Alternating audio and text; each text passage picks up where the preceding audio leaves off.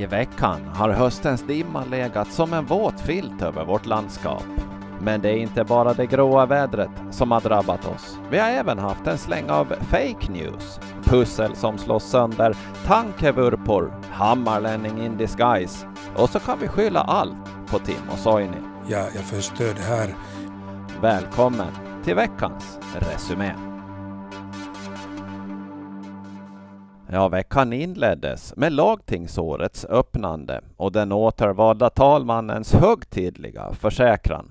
Jag, Gun-Maj Lindholm, försäkrar att jag som talman efter all min förmåga ska upprätthålla den rätt som enligt självstyrelselagen och grundlagen tillkommer Åland och dess befolkning. Men sen tog det inte länge innan det var tillbaks på normal nivå igen. Lagtinget, ja eller politiker i allmänhet, brukar ibland, eller ofta, lite beroende på hur man ser det, beskyllas för att sitta i sandlådan. Och frågan är om inte onsdagens debatt om kommunstrukturen slog någon slags form av rekord. Har ni någon gång suttit vid sidan av när ett, ett litet barn eller kanske ett lite större barn försöker pussla? Det är ganska intressant att följa hur, hur de beter sig. Uh, bitarna kanske inte är så många. Ramen finns där och man får kanske några bitar på plats och så är det en kvar. Och den får man inte det. Eh, de flesta barn som är väldigt små i alla fall, så försöker på olika sätt få biten att passa. Och passar den inte så kan man ju till slut se vissa barn ta till våld. Man klämmer helt enkelt ner pusselbiten. Eh, som jag har förstått det så delar landskapsregeringen ut 16 pusselbitar som ska passa i fyra pussel och de passar alla bitar. Medan Centern, om jag har förstått Centern rätt, vill dela ut 16 pusselbitar till 16 kommuner. Det blir 256 pusselbitar för 16 pussel eller ännu fler pussel. Hur, hur går det här ihop?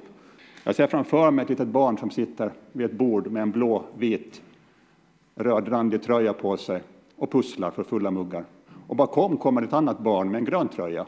Och precis när pusslet är färdigt, när den sextonde pusselbiten ska läggas på plats, så daskar den gröntröjade barnet handen i bordet och pusselbitarna flyger. Det var alltså kommunreformen som debatterades. Och hur det egentligen blir med pusselbitarna, ja det återstår att se. Under debattens gång så var det en hel del förvecklingar och missförstånd. En del på grund av att ledamöter inte förstod eller så valde de att inte förstå. Jag noterar att den åsnebrygga jag försökte använda mig av uppenbarligen inte har varit till fylles. Hur som, vi fick ta del av lite amerikanisering också. Ganska oroväckande att, att vi kan följa med liknande retorik som, som nu vi just hört från vice talman Veronica Törnros i till exempel det senaste valet här, här under dagarna i USA av kampanjen i Trump men också av SD i Sverige. Alltså att ledaren för det största oppositionspartiet tar till sig propaganda, fake news eller så kallad skrämseltaktik. Tack. Jag noterade inte, eller jag noterade att ledamot Sara Kemetter inte kan tala om var någonstans i lagstiftningen hon har stöd för sitt, sitt uttalande. Att kommunreformen engagerar är ju inte någon nyhet i sig, men diskussionerna pågick länge och de är inte slut ännu. Ett tag så var den stora frågan om kommunpolitiker eller tjänstemän ska bli polisanmälda om de inte följer den tilltänkta lagstiftningen angående reformen. Och menar faktiskt nu då utskotts vice ordförande och därmed landskapsregeringen att man kan och kanske kommer också att ställa ungefär 200 fullmäktigeledamöter till svars inför rätta för att man inte följer det här. Då håller det nog hela det här ärendet på att gå riktigt överstyr. Svarsreplik, ledamot Roger Eriksson. Fru talman, jag tror nog inte att varken regeringen eller någon annan ansvarig person anser att, avser att ställa 200 personer inför rätta. Det är väl ett extremt, ska vi säga, scenario. Och frågan om polisanmälan, eller inte, återkom under eftermiddagen i plenisalen. Centern tyckte inte att en eventuell lag behöver följas och Johan Ehn ställer sig frågande till det. När det sen gäller lagstiftning och det att eh, vice talman Törnros antyder att man alltså ska ha möjlighet att välja vilken lag man vill följa eller inte, så skulle jag vilja ha ett litet förtydligande. Vilken annan lagstiftning anser ledamoten Törnros att man ska ha möjlighet att välja om man vill följa eller inte? Gäller det hastighetsbegränsningar för oss som sitter här? Gäller det misshandel? Eller kanske det gäller rent ut sagt eh, citattecken tvånget att ordna grundskola? Svarsreplik, vice talman Törnros.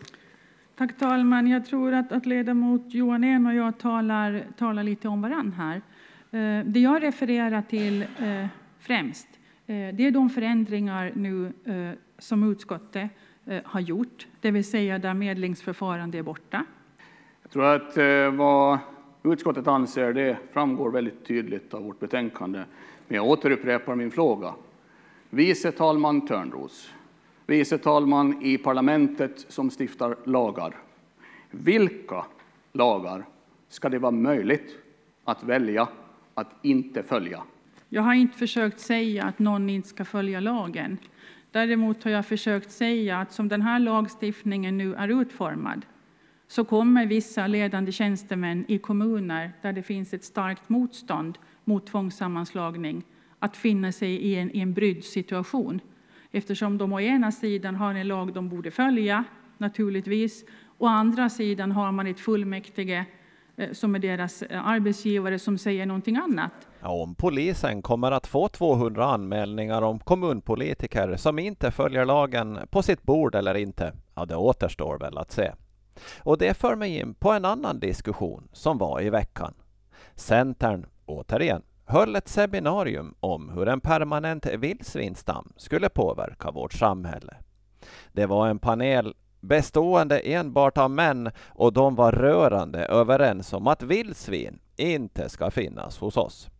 I och för sig så var det inte så otippat att de i panelen inte vill ha de vilda grisarna här. Det var representanter för försäkringsbolag, golfbana, grönsaksodlare, privat grisuppfödare och en jägare.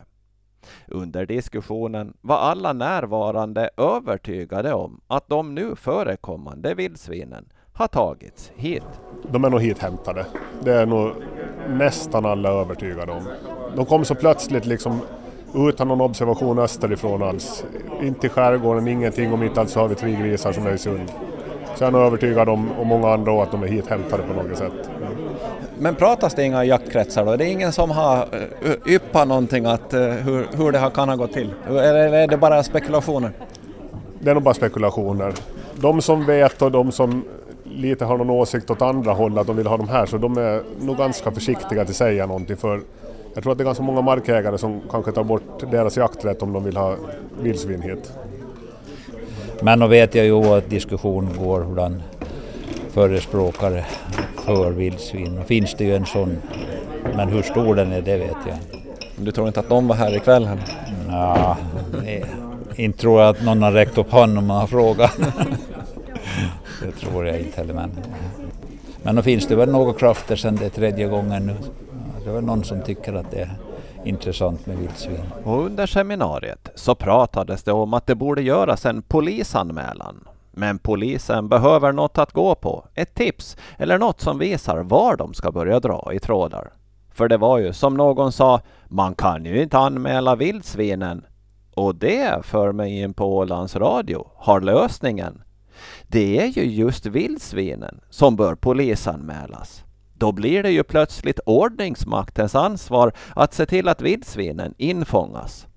Om de sen ska dömas till dödsstraff, ja det är väl upp till någon annan dömande makt att bestämma. Men ska polisen få det på sitt bord så behöver de nog få en hel del tilläggsresurser. För jakt på vildsvin, det är tidskrävande. Det var någon för ett antal år sedan som beräknade att det gick åt 20 timmar för att skjuta ett vildsvin. Vi hade fin besök i veckan. Utrikesminister Timo Soini hälsade på. Och frågan om varför inte Åland får en egen plats i EU-parlamentet ställdes naturligtvis. Och svaret? Ja, jag får stöd här. Får man tolka som man vill. Följetongen Hammarland säger nej fortsätter.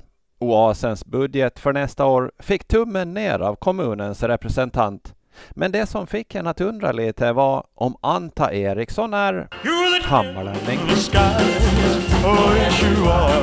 Hammarlänning. Hammarlänning. Hammarlänning. Hammarlänning. För Anta Eriksson, alltså Jomalas representant i Oasens förbundsfullmäktige, tog egna beslut i frågan om budgeten. Kostnadsmässigt tycker jag inte att det är försvarligt att, att, man, att man höjer med nästan en femtedel på, på två år. Det, det blir för mycket. Och bara någon dag efter hade kommunstyrelsen i Jomala upp frågan. Och då föreslog Centerns Harry Jansson att kommunfullmäktige ska meddela Oasen att man i alla fall godkänner budgetförslaget så som det förelåg efter Oasens förbundsstyrelses beredning. Ålands framtids Peggy Eriksson tyckte inte att kommunstyrelsen skulle godkänna Harry Janssons förslag. Men vid omröstningen så vann Janssons förslag med hela 6-1. Så beefen mellan Harry Jansson och Anta Eriksson fick ytterligare krydda. Budet är nu alltså att Jomala ska godkänna Oasens budget och då står Hammarland ensamma i den frågan. Men när det gäller utbyggnaden av Kyrkby högstadieskola så verkar de, alltså Hammarland, åtminstone än så länge ha stöd av Eckerö. Det har gjorts en utredning om ett eget högstadium på västra Åland och det finns lite tankegångar som jag inte riktigt hänger med på. Men vi tar det från början. Förslaget är att KHS ska byggas ut och om för i runda slängar 4 miljoner euro. Och då ska det rymmas runt 400 elever i skolan. Enligt de som förordar utbyggnaden så får då alla elever plats innanför väggarna och de många barackerna kan skickas bort. Hammarland tycker att det här i första hand är för dyrt och menar att utbyggnaden inte räcker till inför framtiden. Så påvisar han ju den, den ökade inflyttningen till distriktet. Att man tänker sig att man ska bygga en skola som redan kommer att vara för liten när den är klar. Det, det, det överhuvudtaget någon förståelse för. Hur, hur tänker man riktigt egentligen? Att man satsar 4,5 miljoner på en skola som ska bli lika trång som idag. Och det är ju ett stort problem idag att den är för trång. Det är därför man har hyrt upp moduler och, och placerar elever i moduler. Och, och, så gör man samma sak igen. Och dessutom binder man upp sig ekonomiskt i 40 år på den här tillbyggnaden. Den ska betalas i 40 år. Och då måste vi beakta att eh, det är 14 år sedan Kyrkby högstadie byggdes om senast. Och, och nu ska man göra samma sak igen. Och det är snart som jag tappar bort mig. I utredningen finns ett förslag som rymmer 90 elever. Det är ungefär så många som Hammarland och Eckerö har idag. En sån utbyggnad skulle enligt grova beräkningar landa på 3,6 miljoner, alltså lite under utbyggnaden vid KHS. Men då är det inte något framtidstänk. Det är behovet idag. En skola för 200 elever beräknas kosta 7,5 miljoner, högt över förslaget vid KHS, men då finns det ju utrymme att växa i. Nu har han ju redogjort för hur en skola kan se ut för att täcka upp Hammarland och Eckerös behov. Eh, men kommunstyrelsen i Hammarland eh, bemöter ju nu Södra Ålands högstadiedistrikt med ett utlåtande där första punkten är att det föreslagna alternativet är för dyrt. Och nu vet ni ju inte vad egentligen kalaset för en egen högstadieskola kommer att landa på heller. Är inte det lite svårt då? Eh, ja, men det, i, i, utredningen så finns det ju en, en uppskattning om att vi skulle behöva ungefär 1200 kvadrat för att täcka upp behovet för Eckerö och Hammarland. Mm. Och, och, det är ju mindre kvadrat än vad den tilltänkta utbyggnaden är i Kyrkby högstadie. Så det borde rimligen bli en mindre summa då också? Ja, rimligtvis. Men det, det får ju tiden, tiden expertisen utvisa. Det, det vi har efterfrågan nu är att det, är det möjligt och är det bra att göra en skola för ungefär 100 elever? Och, och det, det tycker åtminstone jag personligen att vi har fått ett ganska bra svar på. Och då får man ju uppfattningen om att Thomas Blomberg vill ha en skola för 100 elever. Men han sa ju så här nyss. Så påvisar han ju den, den ökade inflyttningen till distriktet. Så då räknar alltså Blomberg med att Hammarland och Eckerö inte ska få någon inflyttning eftersom nuvarande elevantal på västra Åland ska bibehållas. För ska det byggas för framtiden, ja då landar ju prislappen på nästan det dubbla. Frågan om Kyrkby högstadieskola ska byggas ut eller inte lever vidare och den bordlades häromdagen i förbundsstyrelsen på förslag av Hammarland och Eckerö. Ålands Motorklubb köpte marken runt banan i Vässingsboda och det gjorde de ju för ett bra tag sedan och nu finns det konkreta planer på hur utbyggnaden kan se ut. Det benämns som ett trafiksäkerhetscentrum och ordförande Loffe Jons hoppas det blir verklighet. Vi har tagit fram en kostnadskalkyl, vi har tagit fram eh, grova ritningar på det här området då, som är tänkt som ett trafiksäkerhetscentrum med allt vad det innebär. Och eh, vi har gått in till landskapet och anhållit om PAF-medel för det här är ju kostnadsberäknat till kring 900 000. Hur tror du att eh, era chanser att få 900 000 är?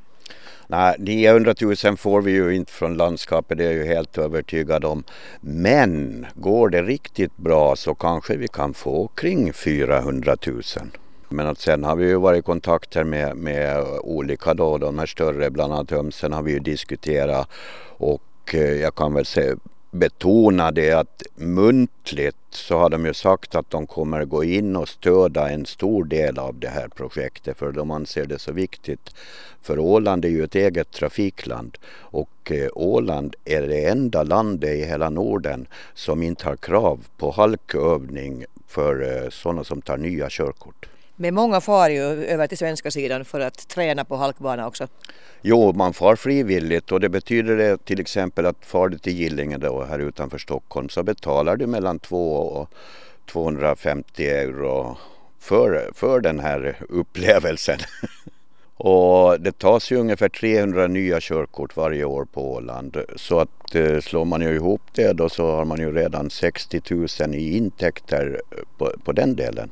Men det vill jag också betona att det här kräver ju också en lagändring och det vill vi ha klart att det blir obligatoriskt att, eh, med halkövning inför körkortstagande. För annars är det ju ingen vits, det är ju 300 som faller bort. Men vad skulle då vi behöva obligatorisk halkbanekörning? Vi som kör så fantastiskt bra. Till och med så bra så att alla andra vet vart vi ska. För blinkers, ja det används ju inte. Vad mera utom en halkbana är det som är planerat för det här trafiksäkerhetscentret? Ja, i samband med att eh, vi planerar det här så kommer vi också ha den här långa sträckan som är ungefär 350 meter lång och, och blir 18 meter bred. Och där ska det finnas möjlighet för de som tävlar i dragracing att eh, träna, alltså träna. Går bilen, går den rakt? Hur stämmer tiderna? Vi kommer att ha en sån här gran som man säger att man ser då när nu får jag grönt, nu sticker jag och reaktionstider och, och den sträckan när, när man testar så blir 100 meter så har man 250 meter kvar så till broms in. Loke, Naturresursinstitutet i vårt land, kom med siffror om vargens förekomst i vårt land. Och de har ökat rejält, vargarna alltså, i antal och även flyttat västerut. Och då måste ju följande fråga ställas. Har det här någon som helst betydelse för oss på Åland? Vi, vi har ju eventuellt två vargar om de inte ligger i en grop än. Ja, det är klart att, att vi, är ju, vi är ju en västlig utpost om man säger så. Vi, vi är säckens botten vi när det gäller den där rörelsen så att, att finns det möjligheter för varg Eh, att röra sig och, och stammen ökar så, så nu kommer den där rörelsen att säkert eh, liksom gå hitåt fortsättningsvis. Och, och, är det så att, att det finns vargar som ligger i en grop så är det väl som med älgarna att, att blir det en, en eh, isvinter igen så fylls det väl på. Mm. Men är det det som ligger i farans riktning då att, att vargstammen, om vi nu ska prata om en sån på Åland, att den, att den växer på sikt? Just på grund av migrationen? Kanske det beror ju lite sen på också hur, hur pass uh, uh, uh, vad ska vi säga, hur pass stor toleransen är mot, mot en, en ny rovdjursart i vår fauna. Vi är ju ett historiskt sett varje område så att det är ju ingenting underligt alls.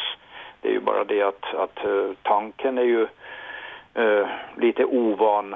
Det eh, med vargen nu som det var för ett antal år sedan med lon som också ansågs icke existerande och plötsligt börja figurera här. Så tyckte den förre naturvårdsintendenten Jörgen Eriksson. Och att göra med vargarna som med vildsvinen, alltså polisanmäla dem, är kanske lite magstarkt. Du har lyssnat till Resumé och har du något på hjärtat så kan du höra av dig till oss via mejlen. Skicka till resumé alandsradio.ax Och om en vecka, då är vi tillbaks igen. Jag heter Ove Sjöblom. Halloj!